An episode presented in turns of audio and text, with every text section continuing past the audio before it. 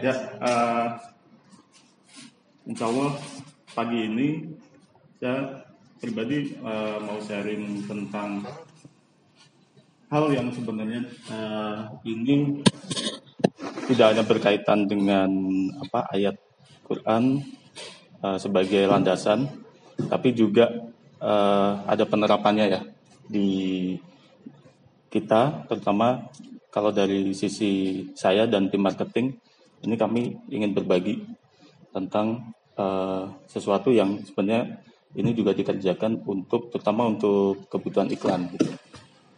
Baik. Bismillahirrahmanirrahim. Wa asyhadu anna Rasulullah. Rabbi.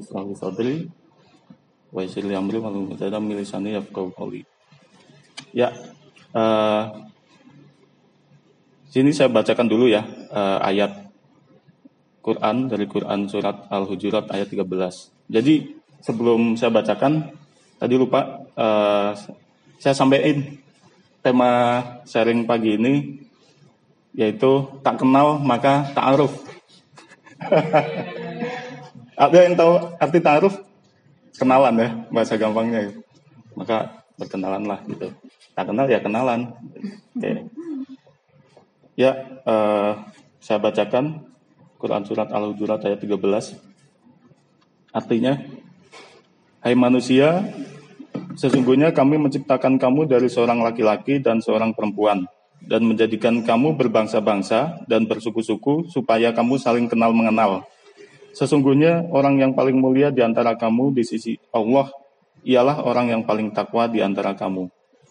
Nah, berlandaskan dari ayat ini sebenarnya apa yang sehari-hari kita lagi kerjakan relate banget kan, berhubungan banget terutama dengan konteks tadi itu berbangsa-bangsa, bersuku-suku. Jadi gimana caranya uh, kita mengenal calon delegates ya yang punya uh, apa kultur latar belakang bangsa yang berbeda-beda, kemudian lebih spesifik lagi uh, di konteks suku seperti itu. Kan misal selain Indonesia kan ada katakanlah India. Mungkin sukunya juga sukunya berbeda-beda ya di sana ya. India iya.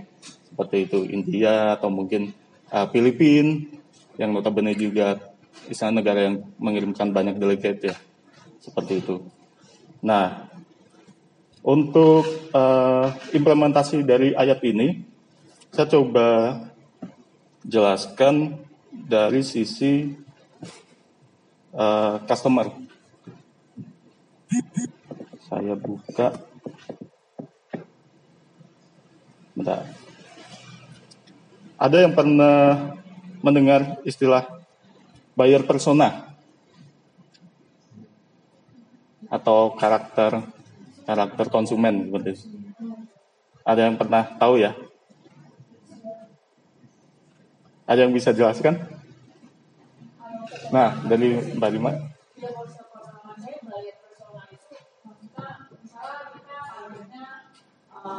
pelajar atau apa pelajar itu apa sih yang pelajar gitu ya berarti demografinya ya, ya. betul jadi usianya kemudian latar belakang pendidikan interestnya betul oke di sini saya mengambil contoh uh, dari salah satu media di US sana. Jadi mereka membahas tentang bagaimana kita memanfaatkan buyer persona untuk beriklan di Facebook Ads. Tadi benar apa yang disampaikan sama Mbak Rima. Pada saat kita mau ngiklan, sebelum kita jualan produk kita atau jasa kita, kita harus tahu dulu siapa sih target market kita. Gak mungkin kan tahu-tahu kita uh, ngasih ke orang, ini saya punya event nih, bagus, tawarin ke sembarang. Eh ternyata yang ditawarin nenek-nenek, kakek-kakek, bukan target marketnya. Jadi penting banget sebelum berjualan atau memasarkan uh, produk kita, jasa kita, harus uh, riset dulu, diriset dulu bayar personanya.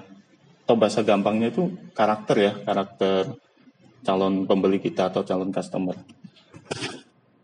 Oke. di sini uh, pemaparannya lebih ke bahasa asing sih sebenarnya uh, bahasa Inggris. Saya mungkin akan memberikan contoh yang lebih simpel yang menggunakan uh, sampel bahasa Indonesia. Tapi memang ini contohnya mungkin agak agak jauh dari target market kita ya. Tapi ini sebagai gambaran aja. Ya, yang pertama uh, saya akan kenalin namanya core audience canvas. Jadi bentuknya itu kayak canvas, kayak sticky notes gitu di di apa jajar gitu. Nah, kenapa istilahnya core audience? Di dalam Facebook App itu si Facebook ini kan menyediakan data, data yang dikumpulkan dari uh, jutaan atau miliaran ya, miliaran user di seluruh Indonesia, eh, di seluruh dunia. Kemudian uh, dari data itu advertiser bisa menggunakan menggunakan data tersebut untuk lebih menspesifikkan siapa sih target yang dibidik. Nah, ini uh, saya bagikan juga ke teman-teman event. Harapan saya juga ini akan bisa saling membantu sih pada saat teman-teman event ini bikin proposal. Jadi uh, pada saat tahu siapa sih target marketnya, deliver ke teman-teman marketing itu juga apa tambah ini ya, tambah klop gitu, makin selaras. Karena nggak nggak lagi meraba-raba. Misal dari tim marketing dapat uh, apa penjelasan proposal proposal berikut penjelasannya dari teman-teman event. Ada nih uh, kami ada nih event baru targetnya bla bla bla bla gitu. Tapi uh, tidak begitu rinci siapa target marketnya. Nah, PR-nya adalah dari teman-teman marketing harus gali lagi. Tapi pada saat kita bisa sama-sama paham siapa target marketnya, insya Allah akan menjadi lebih efisien dan efektif pada saat kita mau mengeksekusi ya. Nah, saya sebutkan di sini ada satu, dua, tiga, empat. Ini yang utama, kemudian uh, ada empat lagi ini yang berhubungan dengan interest-interest tadi yang disampaikan sama Mbak Rima. Ini saya kasih contoh nih. Ada uh, perempuan umur 25 sampai 45 tahun. Biasanya usia-usia kayak gini nih usia-usia apa nih? Ibu yang udah bekerja, single yang udah bekerja, ada yang mungkin bisa nyebutin? Apa bisa bisa 25 sampai 40. Bekerja ya, rata-rata bekerja dan uh, kita bisa menduga usia 25 sampai 45 ini punya buying power. Punya daya beli dibanding yang under 24. Maksudnya bukan berarti yang di bawah 24 tahun itu 18 sampai 24 nggak punya daya beli. Tapi daya belinya pasti akan lebih tinggi, juga kebutuhan yang akan dibeli juga makin banyak. Apalagi yang punya anak. Nah, saya contohkan nih. Ini perempuan uh, yang kita target perempuan usia 25 sampai 45 tahun, ibu baru melahirkan. Berarti Mahmud, mamah muda. Mamah muda anak satu. Penghasilan keluarga 5 juta per bulan. Nah, di Facebook kalau di target untuk interest di Indonesia ini belum sampai atau target demografi di Indonesia belum sampai menyasar ke nominal penghasilan ya. Tapi kalau di sana sampai tuh datanya kelihatan. Tapi no problem, uh, kita tetap harus meriset ini supaya lebih spesifik. Kemudian mereka punya problem. Problemnya adalah bingung memilih susu bayi. Kemudian tidak tahu peralatan bayi apa yang harus dibeli. Yang ketiga memberikan ASI itu sering kali ribet. Nah, berarti di sini ada subjeknya, siapa yang kita tuju, kemudian ada problemnya juga. Bingung nggak? Enggak kan? Jadi ini ini belum bicara produknya ya, tapi kita harus tahu siapa sih uh, target yang akan kita tuju. Ya kalau misalnya untuk event ya 17 sampai 25 umur-umur segini ini problemnya apa sih? Teman-teman muda anak-anak muda di umur 17 sampai 25 kita riset itu. Nah, kalau mengambil contoh dari event yang sudah dikerjakan oleh teman-teman IGN, problem uh, yang bisa kita petakan, misalnya dari event Moon, kelihatan kan problem uh, seputar public speaking. Makanya mereka ikut supaya bisa improve ya, improve di sisi public speaking. Kemudian mereka punya problem nggak punya koneksi uh, kelas internasional nih di luar negeri gitu. Nah, pas ada event MUN, wah ini bisa jadi solusi. Apalagi uh, debate, kemampuan untuk debate. Kemudian mereka yang ingin uh, menjadi seorang diplomat, belum ada wadah di event-event uh, lain. Ternyata solusinya ada di MUN.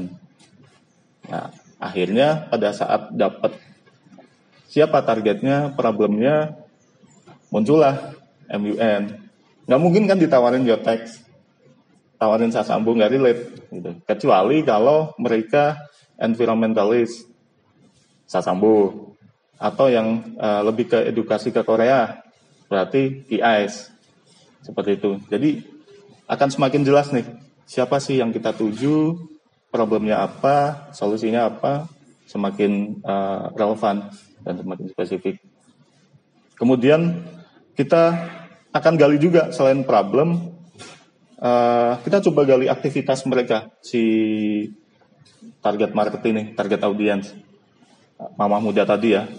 Jadi aktivitasnya pasti membeli susu bayi, kemudian membeli peralatan bayi, mengurus bayi, pergi ke dokter anak, kemudian membeli atau memilih rumah pertama, yaitu tadi keluarga muda lah ya. Kemudian dari aktivitasnya ada juga yang bisa kita kepoin lagi nih. Ini masih masih riset ya. Kita masih terus meriset lebih dalam lagi.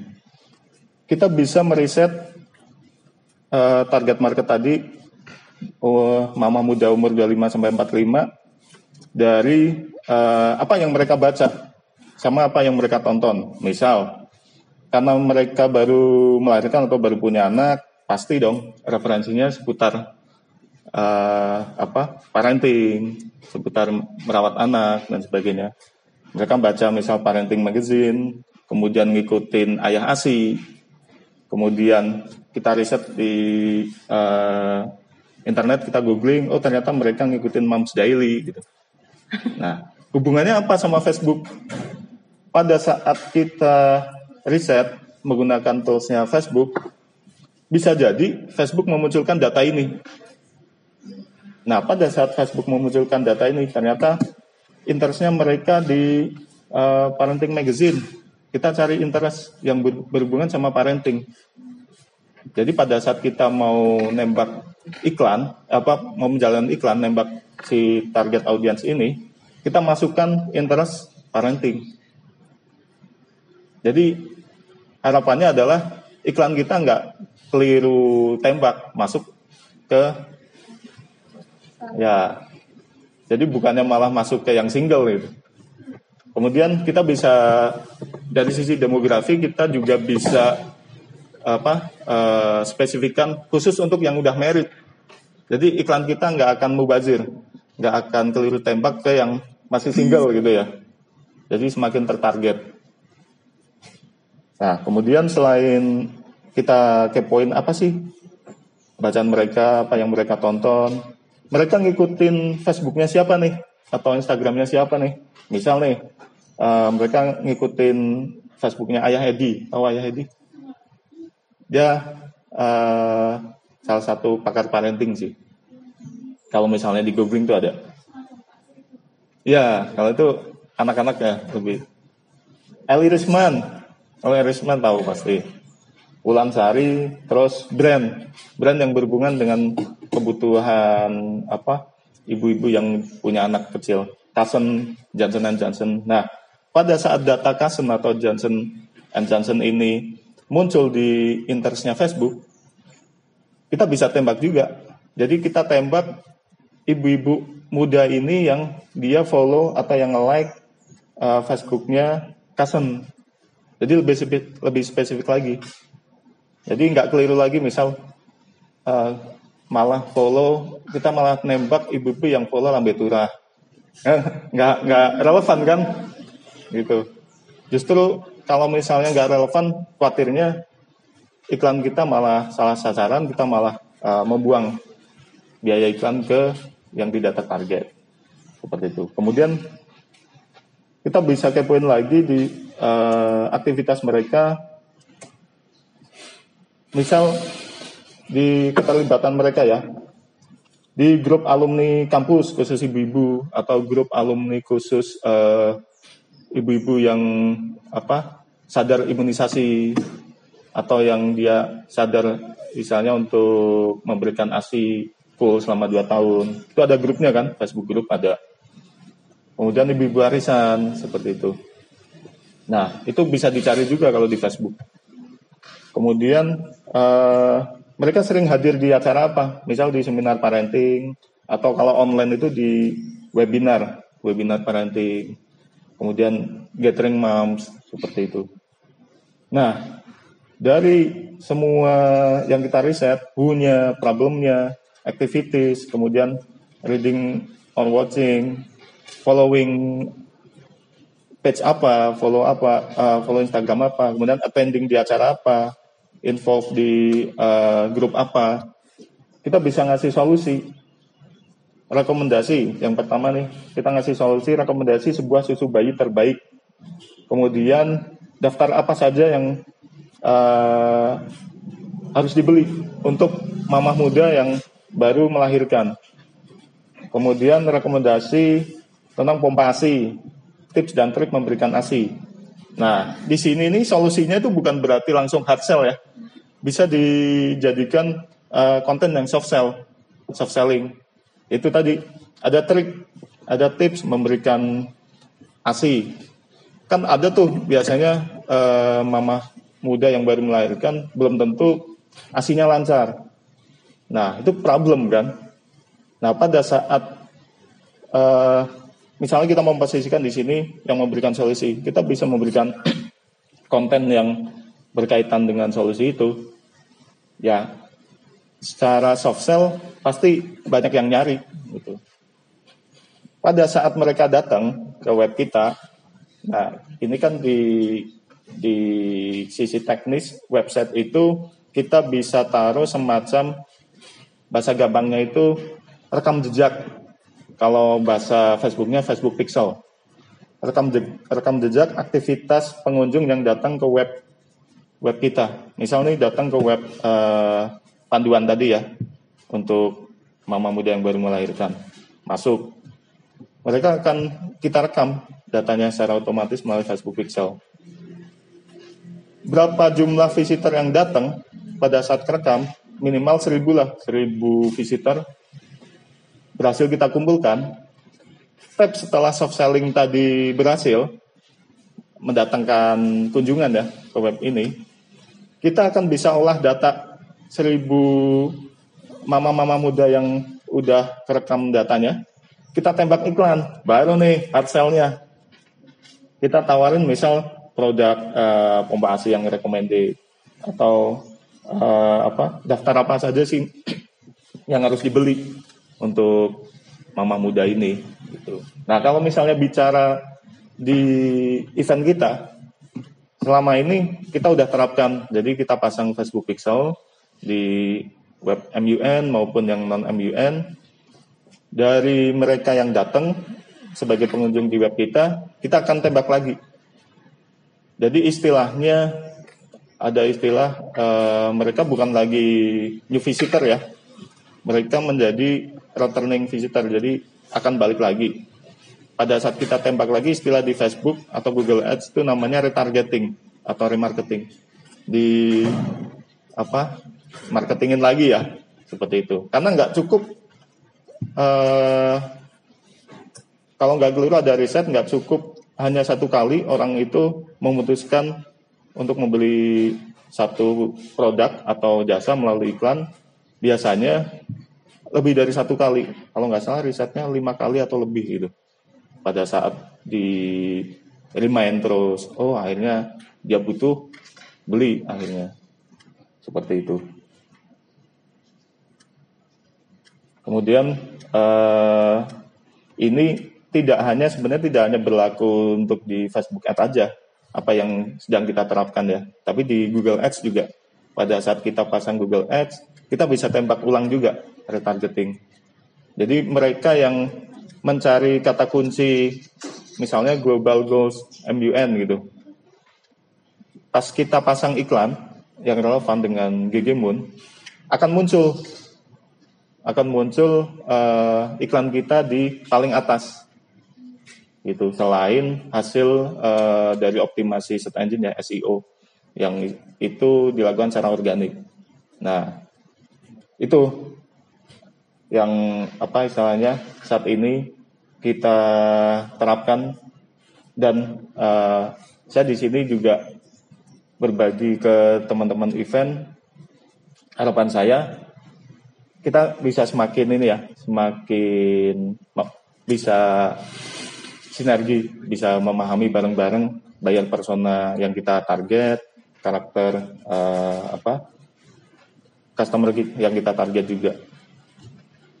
Ya, kurang lebih seperti itu. Kira-kira ada yang membingungkan nggak dari core audience canvas ini? Jadi uh, tadi saya ulang sekali lagi ya, tadi sebelum kita jualan produk kita, kita harus paham siapa sih target audiens kita, kemudian kita juga harus tahu problemnya apa, kemudian kita kepoin lebih dalam, apa aktivitas mereka, anak-anak muda sekarang aktivitasnya apa yang 1725? Zaman now, traveling ya, traveling, ke UBG. Nah, bukan tidak mungkin kita nembak mereka yang punya interest games. Buka mungkin kita menganggap waduh ini gak relevan nih sama target kita.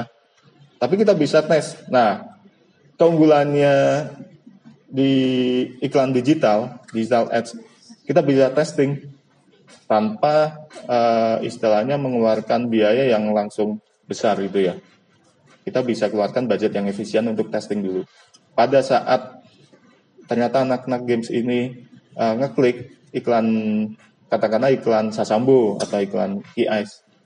Berarti kan mereka sebenarnya ada ketertarikan kan, ada interest meskipun tidak semua. Atau uh, dari interest movie. Kemarin kita coba target juga. Saya dan Mas Indra target mereka yang punya interest Marvel. Pas barengan kemarin lagi apa? tayang ya. Film film Avengers. Ternyata ada yang klik memang nggak banyak gitu.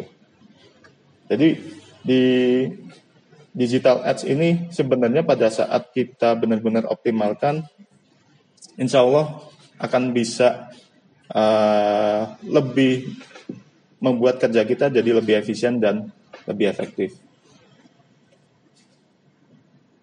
Oke, okay.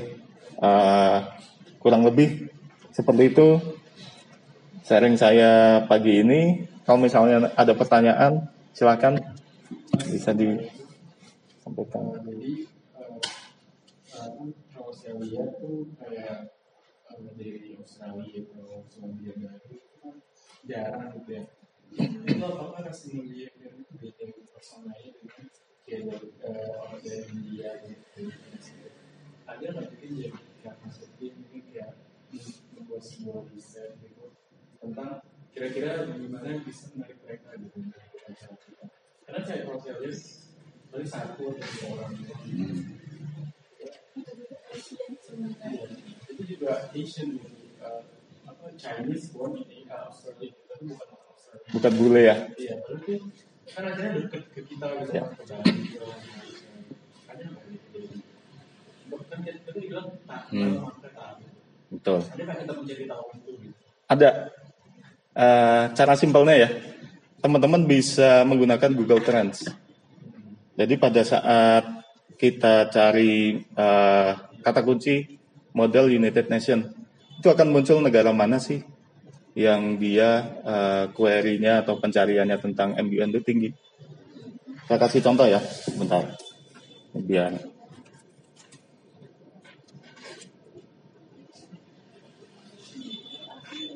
Google Trends.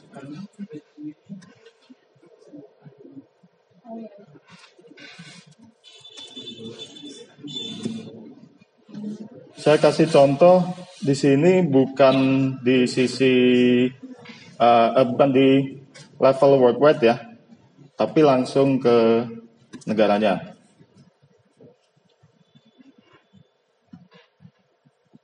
Nah, misal India. Misalkan teman-teman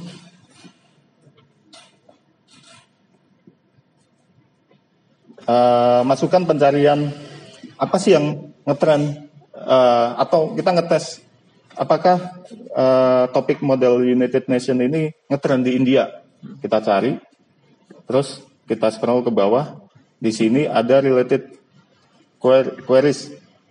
Jadi pencarian yang apa relevan ya. Ternyata benar ada global goals moon di nomor satu oh. kemudian Ayimun di nomor tiga ada lagi nih uh, Asia Yacht International MUN nomor 5. Philippines kita tes ya. Nanti kita bandingin sama Australia. Sama Selandia Baru. Kan, Kenapa? Di public access. Public. Jadi teman-teman bisa sesukanya ngubek-ngubek pakai Google Trends ya. Philippines. Uh, Oh, nomor satu Bali Asia, Bali Moon. Nomor dua Ayimun. Nomor tiga International Model. Oh ini di web berarti ya. Internationalmun.org kan web. MUN-nya IGN. Iya. Oh. Itu beda lagi ya. Nah, di nomor dua berarti Ayimun nih, Asia Yacht International Model United Nation. Pada saat kita recheck dengan data yang udah jadi fixed delegates atau yang udah complete registration lah, ternyata relate kan. India sama Filipina itu di top 3 ya. Setelah eh, apa selain Indonesia. Kira-kira mau jawab ya kalau untuk Google. Coba sekarang kita cari Australia. Australia. Hmm, enggak.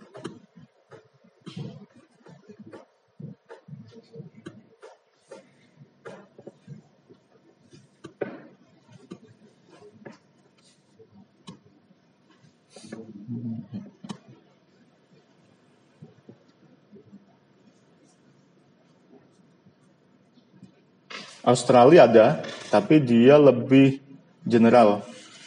Pencarian pertama dia model UN, pencarian kedua dia model United Nation. Berarti kalau ada, ini ada kemungkinannya. Uh, ini masih hipotesa ya, akan lebih valid pada saat kita tes iklannya. Fokus ke negara Australia aja. Atau fokus ke Selandia Baru. Coba Selandia Baru. New Zealand.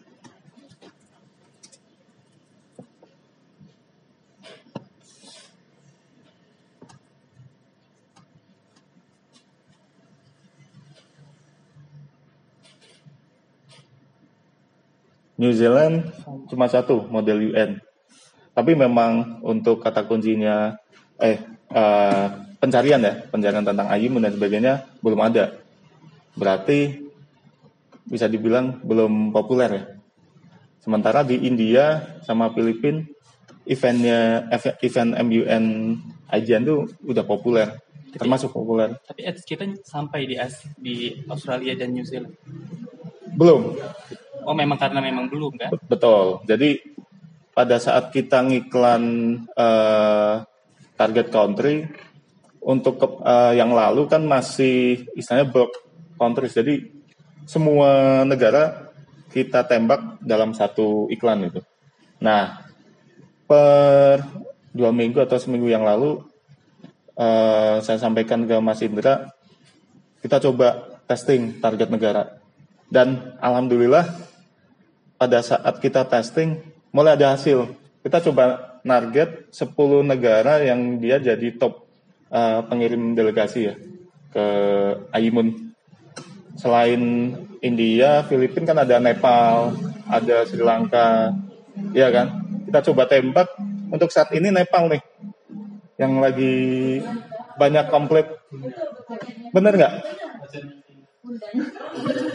Berarti hipotesa ini bisa dibilang terbukti benar kan? Pada saat udah dites loh. Kita kan tetap harus ngetes dulu.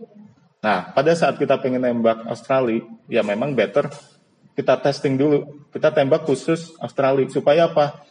Eh, Facebook itu akan berusaha mencari lebih spesifik.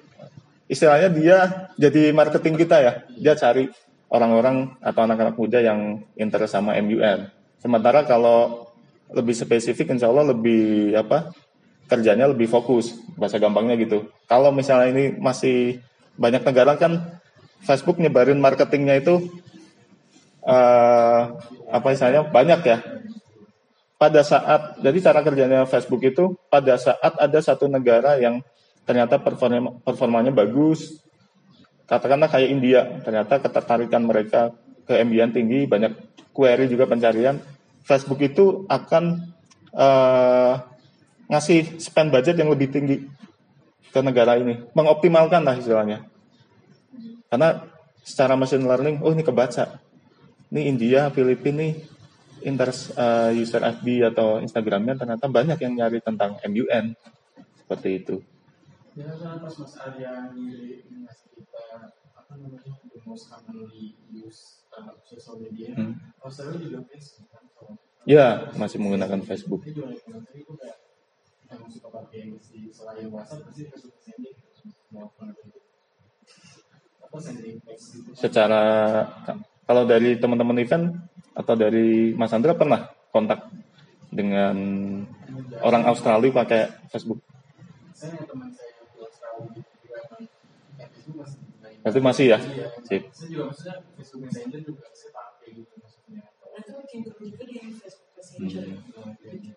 Berarti eh, kita juga tidak akan keliru menggunakan placementnya.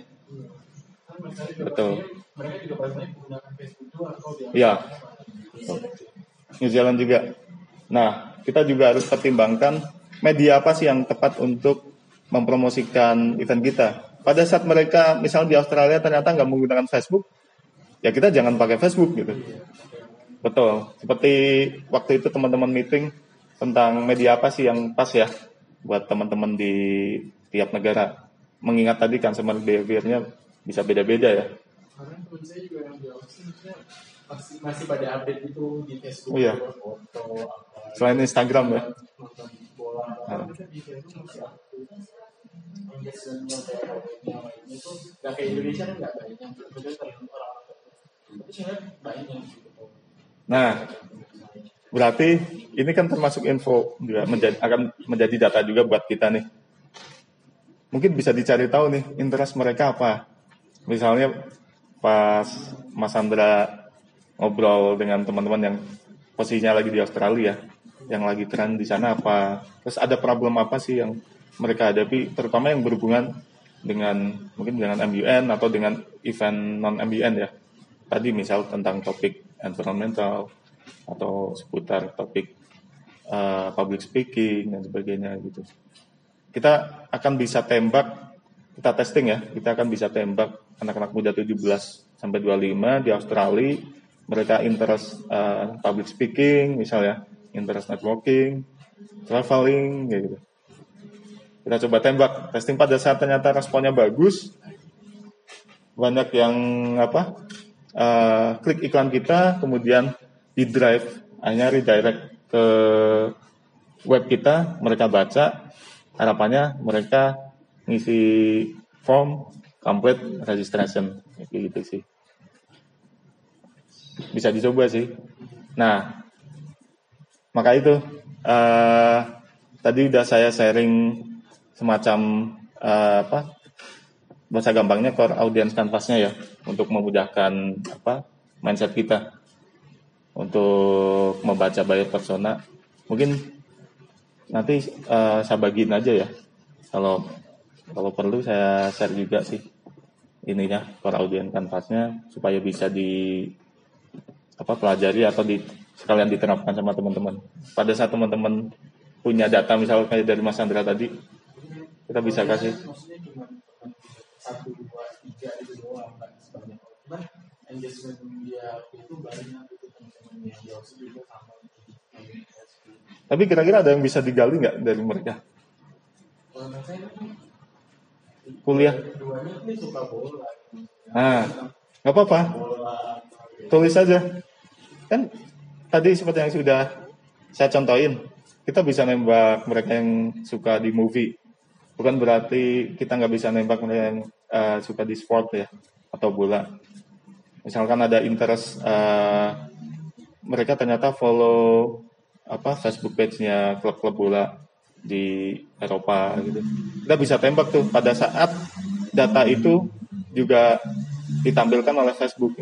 Kecuali kalau Facebook nggak punya datanya, kita nggak bisa nembak, nggak bisa menyasar mereka. Kalau saya itu kalau temen itu ngobrolin kalau main bola di Indonesia ya kualitas ya American Got Talent. Nah. Tapi Australia ikutan. oh, oke, itu bisa juga. Jadi apa yang mereka baca, apa yang mereka tonton, tadi kan di para audience canvasnya, bisa itu memudahkan kita untuk semakin eh, apa sih, mengenali Iya, Mengenali target. ya, ya. Iya, benar. Ya. Kan kan 2400 Iya. Melbourne atau Mersing itu kan nggak mahal praktiknya. Maksudnya Hmm. sangat affordable itu buat mereka. Kalau kita bisa track mereka itu kan tuh menjadi Benar. gitu. Oh ya, eh, ada dua topik atau dua interest lah bahasa gampangnya yang kami lakukan dan kami praktekkan di iklan. Ternyata ini juga alhamdulillah banyak menghasilkan konversi. Yang pertama topik mereka yang memang eh, apa benar-benar interest di UN ya. Mungkin dia follow eh, Facebook page ya semua konselnya UN yang ada Facebook page-nya gitu atau tentang SDGs kayak gitu. Kemudian eh, yang kedua adalah university. Pada saat di Facebook itu bisa menampilkan data university di Australia atau eh, interest university di Selandia Baru, kita bisa tembak tuh. Nah, itu yang kemarin kita apa gali juga datanya melalui sebuah tools yang kita pakai. Kita gali eh, nama-nama universitas di seluruh dunia. Dapat, tapi memang eh, data yang hanya misalnya bisa digrab sama Facebook. Jadi nggak nggak benar-benar semua data seluruh university di eh, worldwide ya. Nah pada saat kita pakai, waktu Ayimun kemarin, alhamdulillah bisa narik banyak ini konversi. Itu salah satunya ya university. Selain tadi interest-interest yang orang mungkin atau pengiklan lain itu mungkin nggak ngira, padahal itu eh, termasuk interest yang potensial gitu. Seperti itu sih. Mungkin pengiklan biasa tahunya target-target yang umum kayak tadi universitas. Tapi pada saat eh, ternyata banyak juga pengiklan lain yang menggunakan interest yang sama. Nah, nanti tantangannya, challenge-nya adalah eh, di sisi biddingnya. Iklan Facebook Ads atau Google Ads kan dia sistemnya menggunakan lelang ya. Kuat-kuatan gitu. Terus eh, ketepatan ini juga eh, targeting tadi, kemudian dari sisi ad kreatif, ad copy sama ad image-nya itu eh, benar-benar udah tepat, udah relevan, udah bisa menarik perhatian. Kemudian dari webnya juga itu tetap berhubungan, jadi Facebook sama Google tetap mempertimbangkan eh, iklan sama katakanlah landing page atau website itu harus relevan. Kalau beda, nanti akan eh, efeknya akan berhubungan pada biaya, pada budget iklannya. Misalkan Facebook eh, masuk di satu iklan ternyata pada saat iklan itu masuk diklik masuk ke webnya sebenarnya nggak relevan. Nah, Facebook punya hitungan sendiri. Ini jadi lebih mahal gitu, karena nggak relevan gitu. Istilahnya eh, Facebook udah berjuang keras nyariin eh, apa target audiens, tapi kok ujung-ujungnya yang ditawarkan nggak sesuai dengan yang di iklan gitu. Ya udah. Mereka punya hitungan gitu. Gitu. Kira-kira gimana Mas Andra? Udah? Iya. Makin paham nggak? Gitu setidaknya itu karena kan saya minta pernah Yuda juga kan Mm-mm. minta eh, top 10 countries apa aja. Hmm. itu Australia nggak ada. Australia itu nggak ada. Padahal mereka sadar kan mereka kaya gitu. Betul. Selama ini kita pasang Austra- Brunei Brunei? Iya Oh iya, eh, ada catatan juga.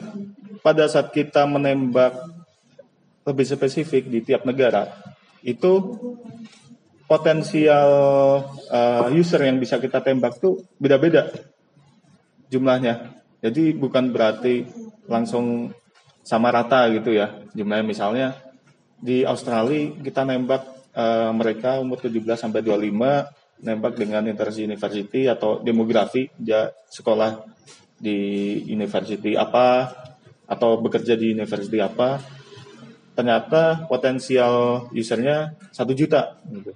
Pada saat kita nembak Selandia Baru belum tentu sama. Ternyata hanya 700 ribu seperti itu. Nah itu juga eh, nanti akan berpengaruh pada performa iklan juga. Gitu. Tapi no problem. Itu tetap harus di testing sih. Di mana pun eh, salah satu kunci keberhasilan iklan di digital itu adalah tes. Jadi tes measure sama evaluate ya. Jadi tes ukur evaluasi misalnya eh, jelek jangan dipakai lagi misalnya bagus tetap dipakai kemudian explore lagi yang lain. Nah itu keunggulannya di digital ya. Dibanding misalnya kita beriklan di majalah atau di media konvensional lainnya. Seperti itu. Dan mungkin kalau di media konvensional di above the line susah ya. Kita mau nyari tahu mereka yang sampai detil-detil kayak tadi tuh ketertarikan mereka mereka suka ikut acara apa gitu. Nah makanya itu eh, nggak ada salahnya. Sebenarnya teman-teman event juga perlu tahu ini juga. Jadi kita makin ini juga makin bisa sinergi. Supaya apa? Kerja kita jadi lebih efisien lebih efektif tepat sasaran sih terutama menarget yang pengen dibidik ya tadi misal Australia gitu ya itu sih sama ini mas kan saya juga pernah saya riset maksudnya nulis eh, eh, website-website yang ada di Australia gitu. Hmm. itu sebagian besar hampir semua universitas itu menyediakan eh, semacam platform untuk kita beriklan di sana gitu. itu ada bikin listnya dan saya nggak tahu Mas Ari itu ada akses untuk Ahrefs atau enggak Hmm. untuk lihat kan eh, berapa itu ini websitenya cuma waktu itu saya pernah ngasih ke Pak Fahri ada yang beli gitu yang UN yang New South Wales kalau nggak salah itu bagus eh, websitenya itu Gitu. dan niche niche-nya apa maksudnya eh, di webnya di kategori apa Itu, education atau eh, web universitasnya langsung oh gitu Iya. Jadi mereka emang kalau di Australia itu yang saya lihat karena emang ada kolom untuk di mana dibilang mereka menyediakan untuk advertise hmm, untuk iklan di sana. bisa itu Eh, kalau misalnya kemarin ada listnya boleh dibagi ini juga sebenarnya masih, ada. Ya? Saya malah terpikirkan ini bukan hanya bisa dimanfaatkan oleh teman-teman marketing, teman-teman partnership juga bisa. Kan hubungannya sama university ya. Tapi kebanyakan sih nggak nggak nggak balas gitu kalau Hmm, gitu. Berarti harus nyari email minimal. Jadi orang di luar sana, Tapi kalau untuk apresial itu mereka emang bilang kalau untuk partnership itu berbayar gitu Hmm. berarti relate juga sama teman-teman partnership ya. Kalau memang misalnya mau digali. Partnership awalnya. Hmm. Yep. Oke. Okay. Ada lagi? Udah ya? Baik, eh, teman-teman uh, sekalian. Ya, uh, saya simpulkan untuk sharing kali ini. Intinya tadi ya, pada saat kita mau mengenal mengenal orang baru yang berbeda bangsa, berbeda suku, ya intinya tetap taruh, tetap kenalan gitu. Zaman digital sekarang mau kenalan itu bukan berarti harus ketemu langsung. Kita dimudahkan dengan eh, media online, dengan teknologi yang udah benar-benar membuat eh, kita makin connect pada saat udah connect kemudian eh, apa inspire akhirnya bisa memberikan social impact ya kurang lebih. Kurang lebih seperti itu. Terima kasih eh, atas atensi teman-teman event. Eh, kita bertemu lagi lain waktu. Wassalamualaikum warahmatullahi wabarakatuh.